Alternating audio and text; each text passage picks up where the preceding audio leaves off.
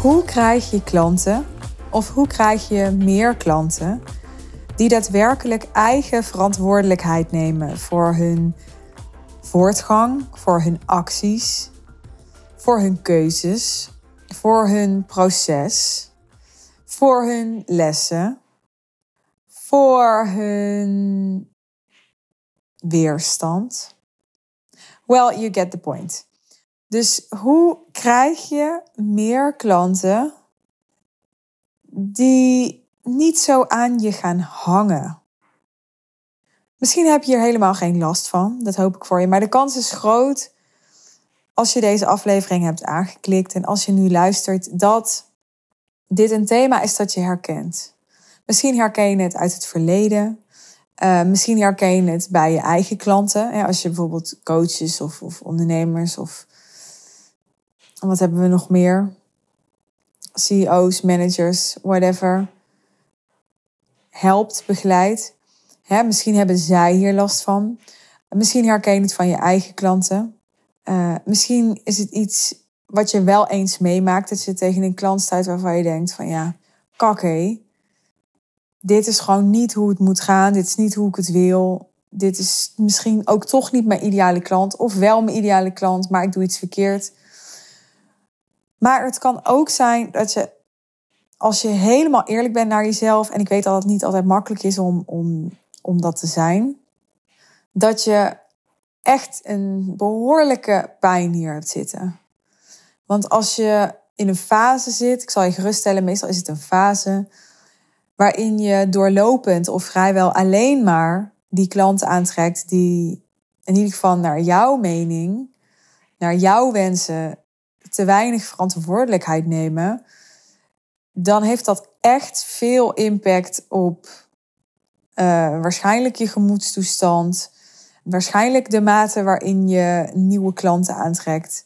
Ik kan je namelijk garanderen dat als jij nu klanten aantrekt die niet een feestje zijn om mee te werken, dat dat op den duur echt een blokkade gaat vormen om te blijven verkopen. Want je gaat, dat is bijna onoverkomelijk, er al dan niet onbewust tegen aanlopen dat je bij elke sales call die je hebt denkt: oh nee, wat als dit weer zo'n klant is die zo aan mij gaat hangen?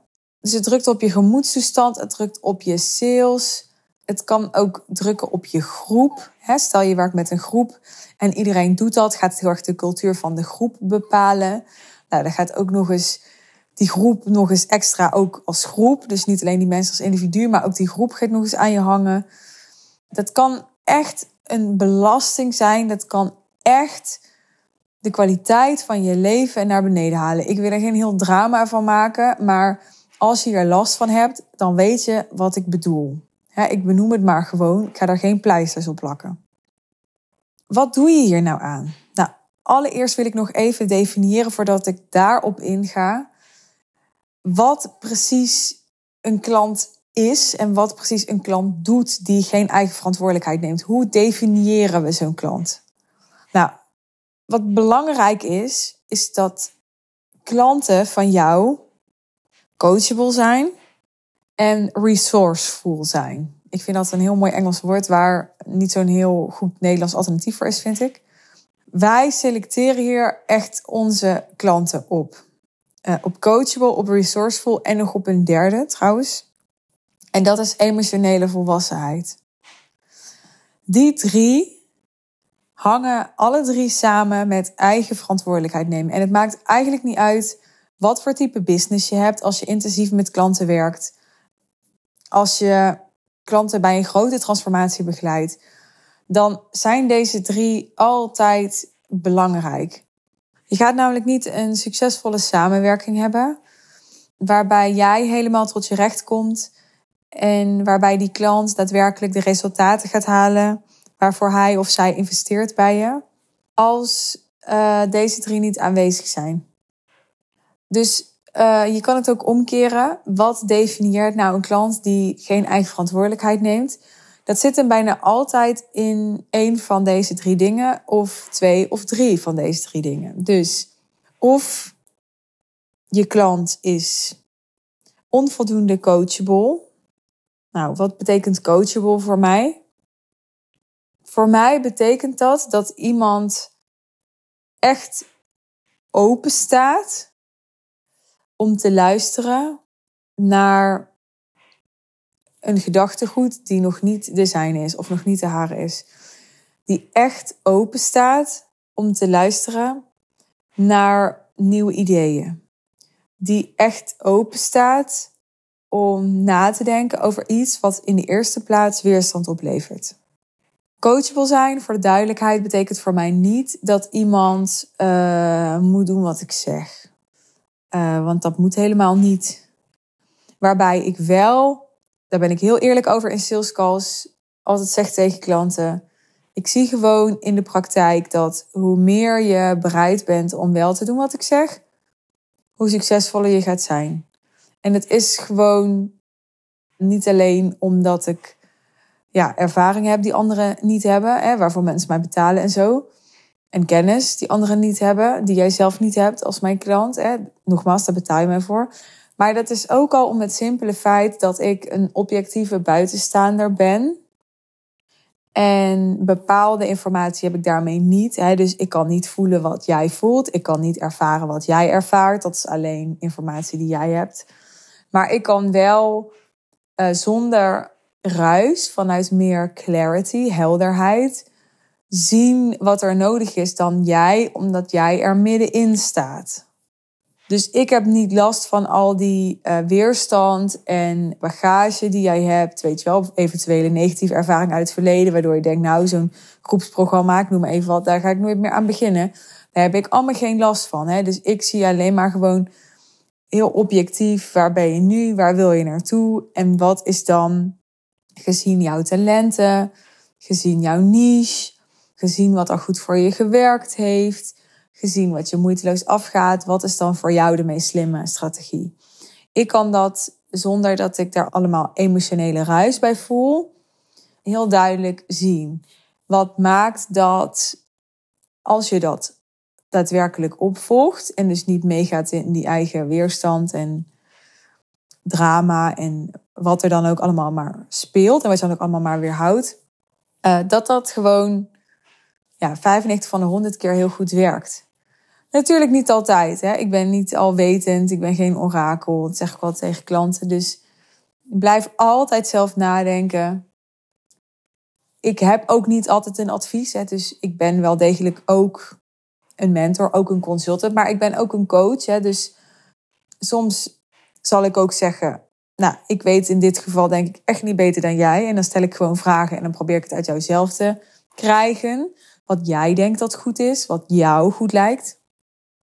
Dus dat, dat coachable, dat is niet heel afgebakend wat dat exact is. Maar voor mij is het vooral dat je echt open staat om te luisteren en ook echt open staat om te proberen. Dus niet alleen om te luisteren, maar ook om te proberen. Met de nadruk op proberen, want als je het probeert en je ervaart het en je vindt het dan niks, nou dan stop je er lekker weer mee, zou ik zeggen. Tenzij je goede redenen hebt om door te zetten, zet dan vooral door. Maar je ligt niet aan een ketting, je wordt nergens toe gedwongen. Uh, alles is vrijwillig, zeg ik altijd tegen klanten in mijn traject. Ik altijd, alles is vrijwillig. Het dus coachable, nogmaals, betekent niet dat je letterlijk moet doen wat ik zeg. Het betekent wel dat je alles wat ik zeg en alles wat ik voorstel in ieder geval serieus in overweging neem. En niet gelijk liever in je eigen verwerpingen gaat geloven. He, want ja, ga het dan lekker alleen doen, even bot gezegd. Nou, dat over coachable. De tweede die ik noemde is resourceful. En dat is dat je in, in staat bent.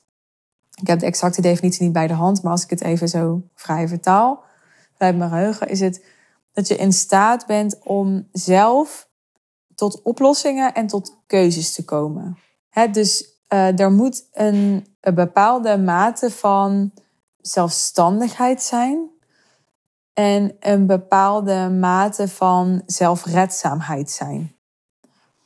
Uh, dat is heel belangrijk. En wat je dus ziet is, ja, een klant die dat niet heeft, die gaat dus hangen dus die gaat ook geen verantwoordelijkheid nemen voor uh, zijn of haar eigen keuzes. Want die maakt niet eens zijn of haar eigen keuzes. Hè? Dus die gaat voor zijn of haar eigen keuzes naar een ander kijken. Dat is iets anders dan dat je een ander advies vraagt om een keuze te maken. Dat is natuurlijk prima. Maar advies vragen is iets anders dan die ander vragen, nou, hè, wat moet ik doen? Dus, dus bij wijze van spreken met je armen over elkaar gaan zitten en zoiets hebben van, nou, jij weet het toch, of ik heb het toch bij jou geïnvesteerd, of eh, jij bent hier toch de expert. Nou, wat moet ik doen? Hè, dat is niet de houding. in ieder geval voor mijn doelgroep. Misschien zijn er andere doelgroepen bij wie dat wel kan, maar, maar mijn doelgroep, die gevestigde ondernemer, die, die moet gewoon zelfredzaam zijn. Want ja, mijn doelgroep moet ook visie hebben.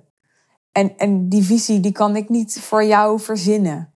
Hè, want want eh, ja, dan is het mijn visie. Dus jouw visie is van jou.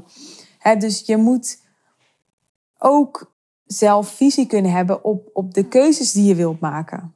Dus daar zit hem ook dat resourcefulness in. Hetzelfde geldt voor oplossingen. Natuurlijk, als je mijn klant bent, ga ik je helpen om tot oplossingen te komen als er bepaalde problemen zijn, als er bepaalde worstelingen zijn.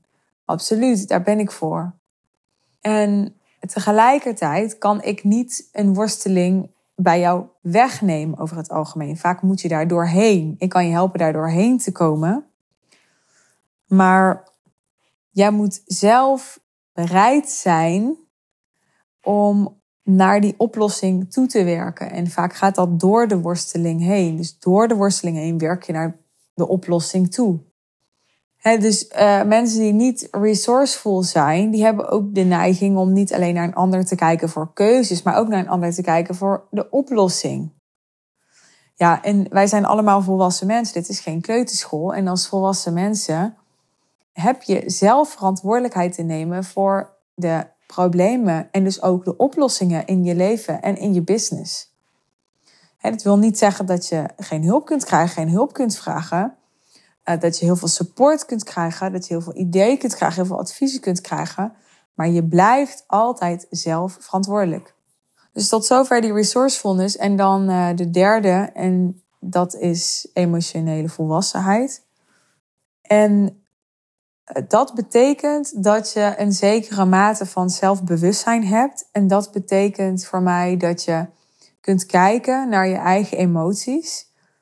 En dat je je daar ook los van kunt koppelen. Dus je emoties mogen er zijn.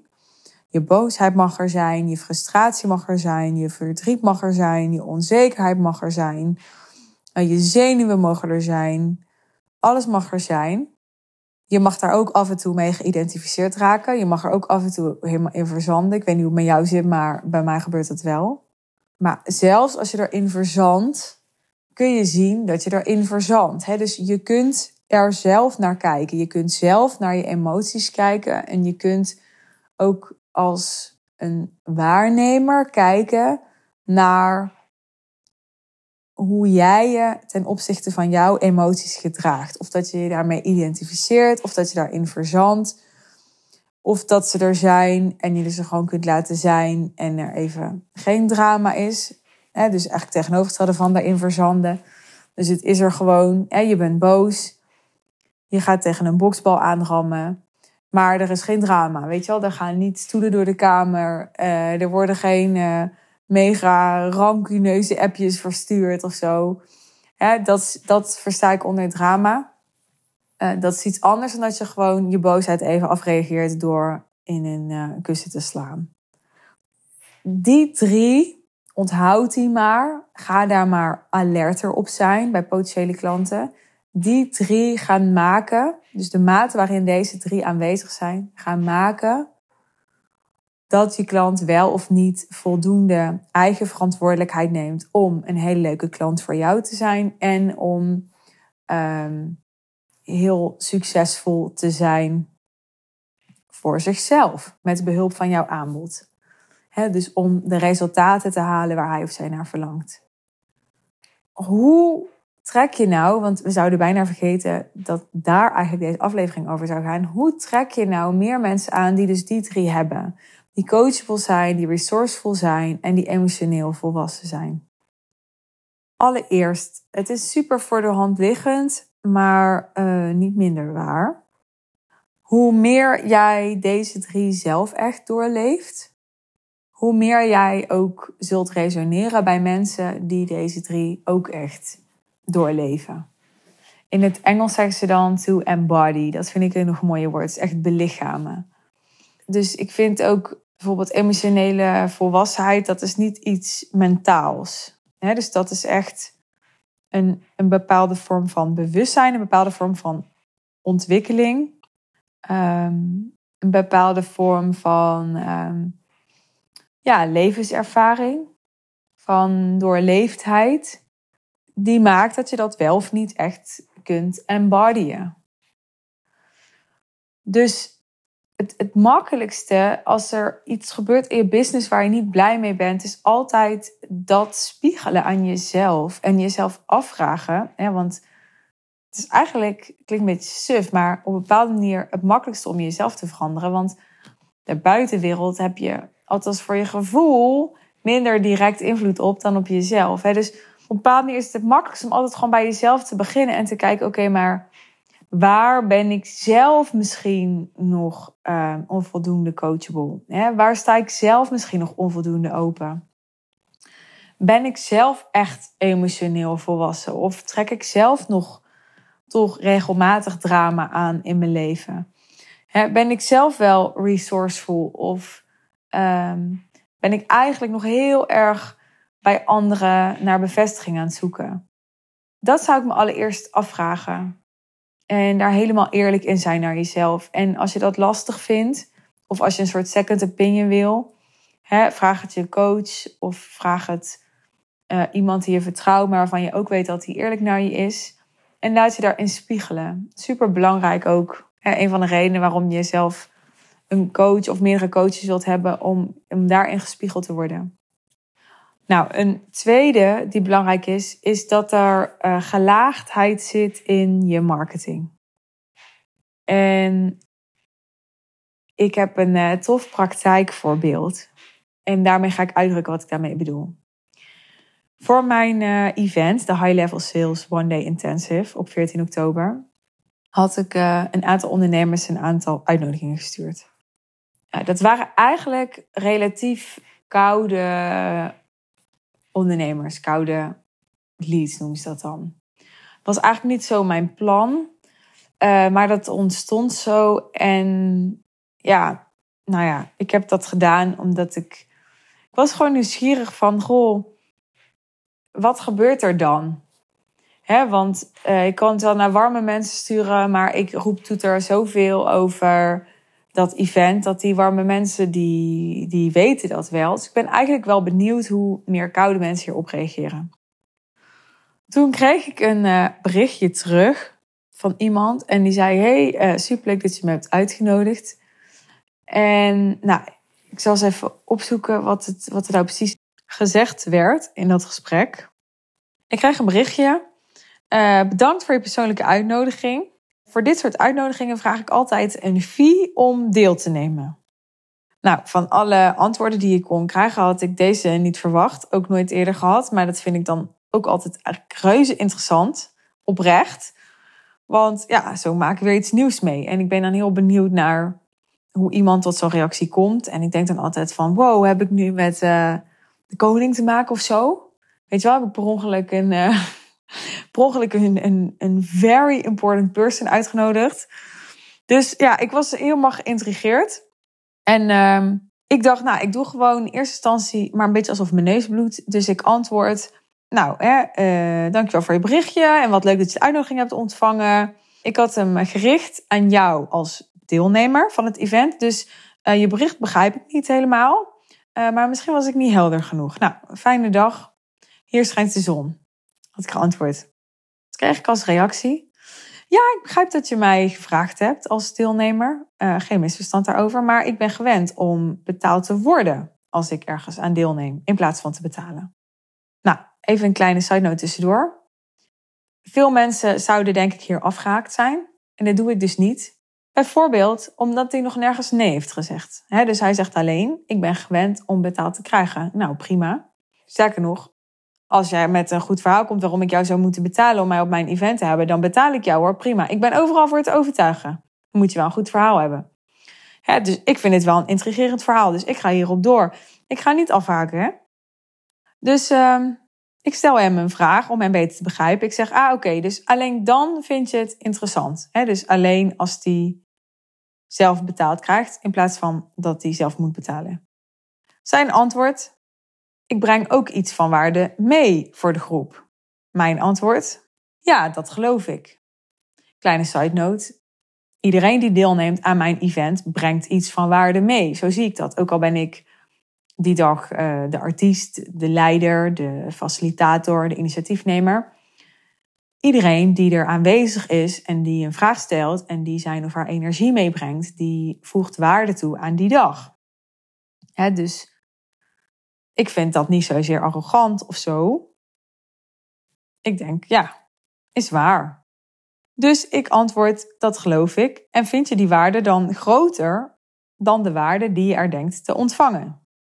Nou, vervolgens zegt hij: Ik plaag maar wat vanwege de enorme focus op geld.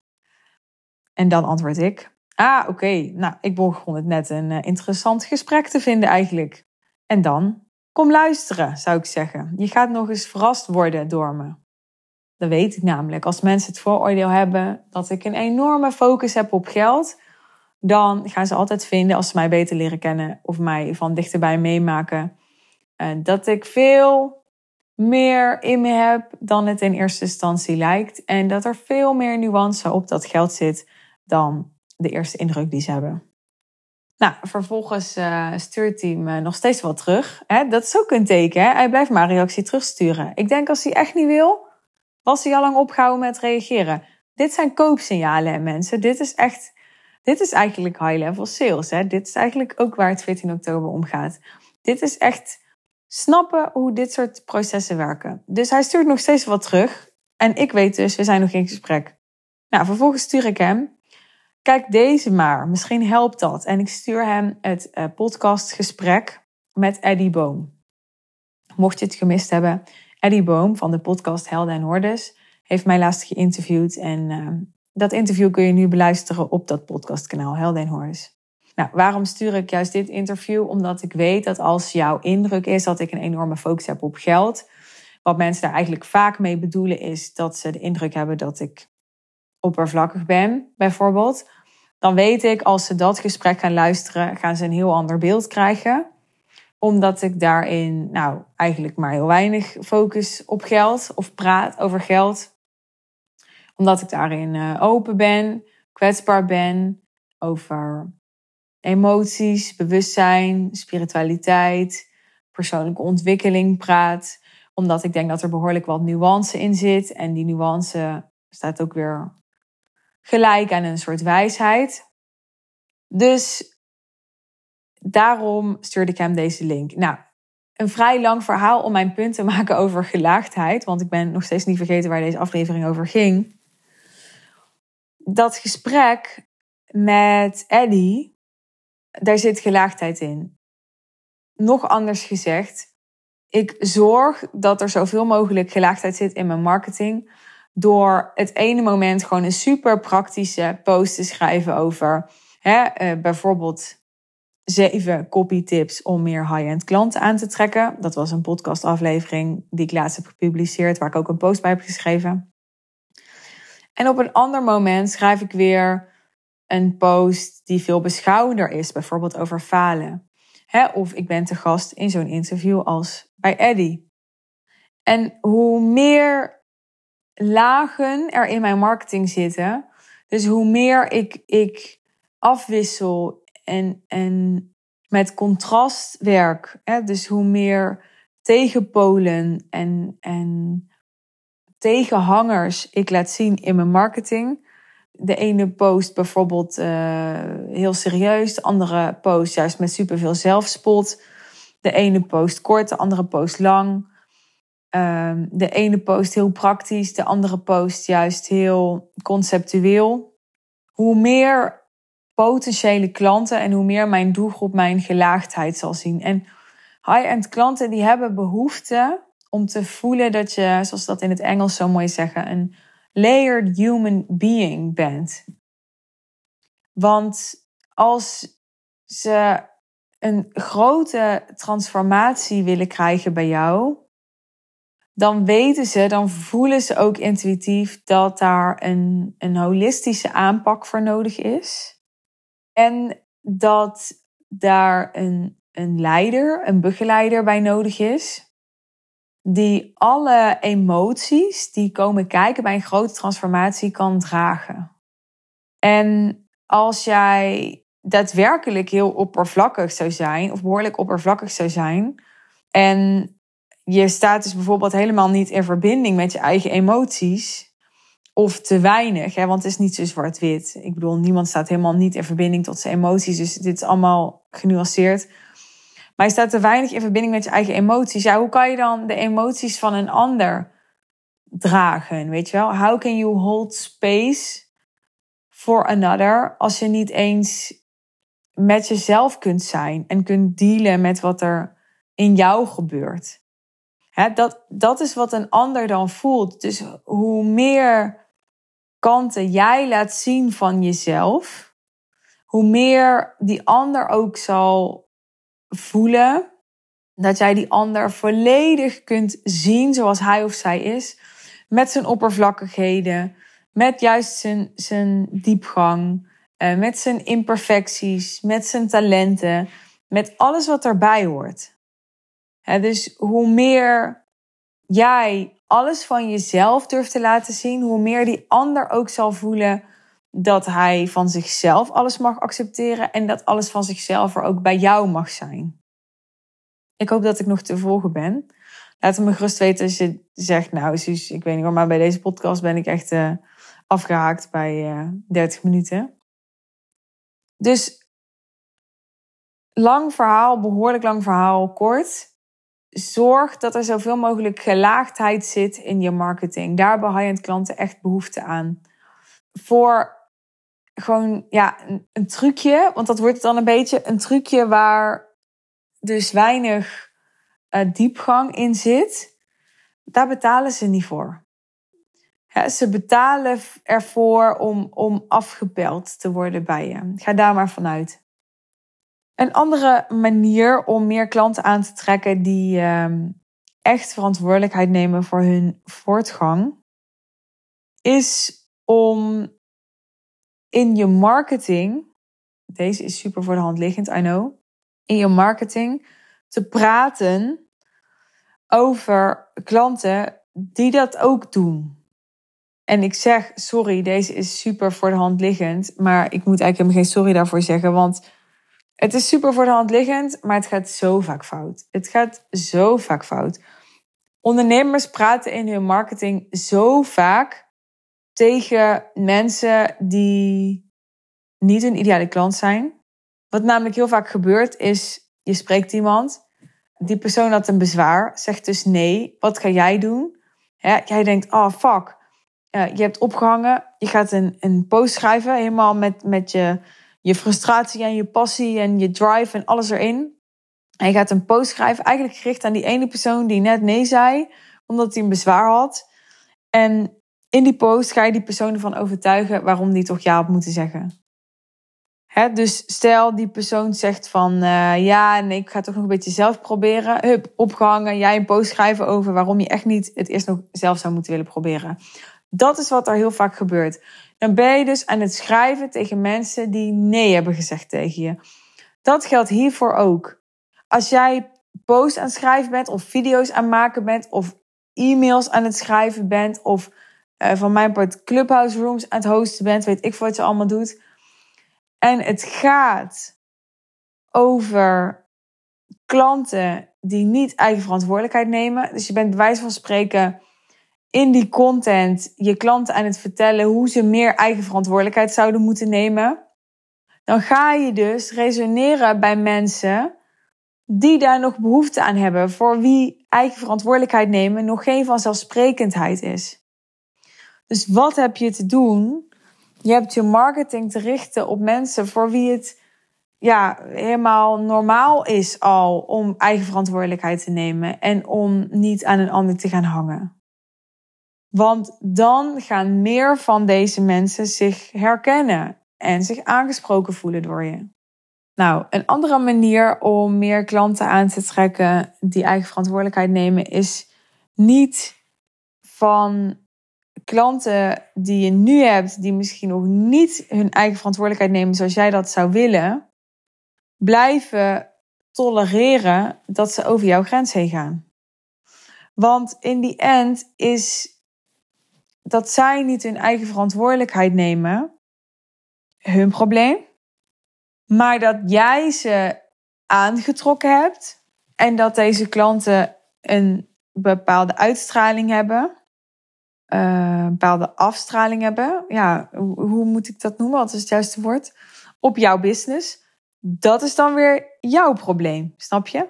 Dus het is jouw verantwoordelijkheid dat jij ze aangetrokken hebt, maar het is hun verantwoordelijkheid dat ze die verantwoordelijkheid weer leggen. Daar kan en daar mag en daar wil jij ze wel op spiegelen dat ze dat doen. Maar als ze dat dan niet horen, omdat ze nog steeds geen eigen verantwoordelijkheid nemen voor hun eigen gedrag, dan is dat hun probleem. Als jij daarin meegaat, in die zin dat, ik ga even een praktisch voorbeeld noemen, zij uh, steeds meer en meer en meer van je vragen, omdat het niet goed met ze gaat. En ze nemen daar geen eigen verantwoordelijkheid voor. En ze schrijven dat in jouw schoenen. En jij gaat door steeds harder en harder, harder werken. En je accepteert dat en je tolereert dat, dat dat gebeurt. Uit bijvoorbeeld de angst dat ze weggaan. Of uh, de angst voor je reputatie. Hè, dat ze slecht over je gaan praten. Of whatever. Dat is altijd uit angst. Ja, dan ga je dus vanuit die angst, die frequentie van angst, weer nieuwe klanten aantrekken. Gaan dat klanten zijn die heel stevig in hun schoenen staan? Waarschijnlijk niet. Want klanten die heel stevig in hun schoenen staan, die gaan resoneren met een ondernemer die ook heel stevig in zijn of haar schoenen staat. En dus als jij heel erg verkrampt bent doordat je eigenlijk in de tang zit van je klant, gaat dat niet helpen om klanten aan te trekken die heel stevig in hun schoenen staan. Nou, dit zijn zo een viertal uh, adviezen, tips, give it a name, die ik voor je heb als je meer klanten wil die meer eigen verantwoordelijkheid nemen. Er is nog veel meer wat je eraan kan doen. En wat ik ook wil benadrukken is dat het ook niet zo is dat een klant een klant is die wel verantwoordelijkheid neemt of een klant die niet verantwoordelijkheid neemt. In de praktijk is het nooit zo zwart-wit. Dus je kunt een klant die nog te weinig eigen verantwoordelijkheid neemt, wel degelijk helpen om te leren dat meer te gaan doen. De vraag is of dat, dat wenselijk is. Het liefst heb je natuurlijk gewoon klanten die, die dat al doen, bij wie dat niet meer hoeft. Maar geef niet te snel op. Of leg je het niet snel bij neer. Laat niet te snel je kopie hangen. Kijk naar wat er wel mogelijk is. Hè? Uh, daarbij helpt het enorm als je je niet persoonlijk geraakt voelt door het feit dat iemand verantwoordelijkheid bij jou neerlegt. Het gaat niet over jou, het gaat over die ander. Hoe objectiever jij kunt blijven kijken naar wat er gebeurt, hoe scherper jij kunt blijven kijken naar wat er gebeurt, hoe meer van waarde je kunt zijn voor die ander en hoe beter je het juiste kunt doen voor die ander en ook voor jezelf. Vaak gaan die twee hand in hand. En dus wat goed is voor je klant, is ook goed voor jou. En zo werkt dat vaak met een dynamiek in een relatie. Ondanks dat er dus nog veel meer over te leren is, hoop ik dat dit je al uh, fantastisch geholpen heeft. Zo ja, dan zou ik het enorm waarderen als je wat wil delen over deze aflevering in jouw netwerk, op jouw eigen social kanalen. En wat heb je eruit gehaald? Wat betekent deze aflevering voor je? Uh, je mag ook een lulverhaal bij vertellen als je er niet eerlijk voor uit wil komen dat je vindt dat je klanten hebt die nog te weinig verantwoordelijkheid dragen. Ik vind het allemaal prima. Ik uh, waardeer het in ieder geval enorm als je deze aflevering wil delen. En als je zegt, uh, Suus, ik heb genoeg gehoord. Dit zijn precies de vraagstukken waar ik hulp bij nodig heb. En ik vertrouw jou hier helemaal op. Je bent super welkom om je call te boeken met ons over business traject The Real Deal. Het traject waarin uh, wij ondernemers helpen om meer en nog veel leukere en veel uitdagendere en, en veel betere droomklanten te krijgen die jou betalen wat jouw zoon of genius echt waard is. En die zo aan te trekken dat het voor jou super simpel is om je business te runnen. En uh, je met weinig of wat meer, afhankelijk van wat jouw verlangen is, jouw ambitie is, klanten. Heel simpel, consistent, een omzet van 30.000 euro of meer per maand te verdienen. Er zijn echt veel klanten op dit moment in de Real Deal die maanden van 30.000, 50.000 euro, zelfs 100.000 euro draaien. Uh, vandaag kreeg ik nog een berichtje van een klant die uh, nu voor het eerst een omzet van 68.000 euro heeft gedraaid deze maand. En als ik dit opneem, is de maand nog niet voorbij. Er hangt nog het een en ander in de pijplijn, dus het kan zo nog 80 of 90.000 euro worden. Dat gebeurt er in de real deal. En als je wil weten of dat jij zo'n ondernemer bent uh, bij wie dat ook kan gebeuren, of misschien is dit al aan het gebeuren bij je. Onze ideale klanten zijn voor 90% hiermee bezig en voor 90% hiernaar op weg. Maar voel je van, ja, ik laat ook nog een hele hoop kansen liggen en ik heb echt een, uh, een kritisch oog en een goede coach en een scherpe stratege nodig, dan uh, boek je call. Wat heb je te verliezen? De link naar informatie over de Real Deal en de mogelijkheid om je call te boeken vind je in de omschrijving bij deze aflevering. Ik spreek je heel graag snel en uh, sowieso tot de volgende podcast. Bye bye.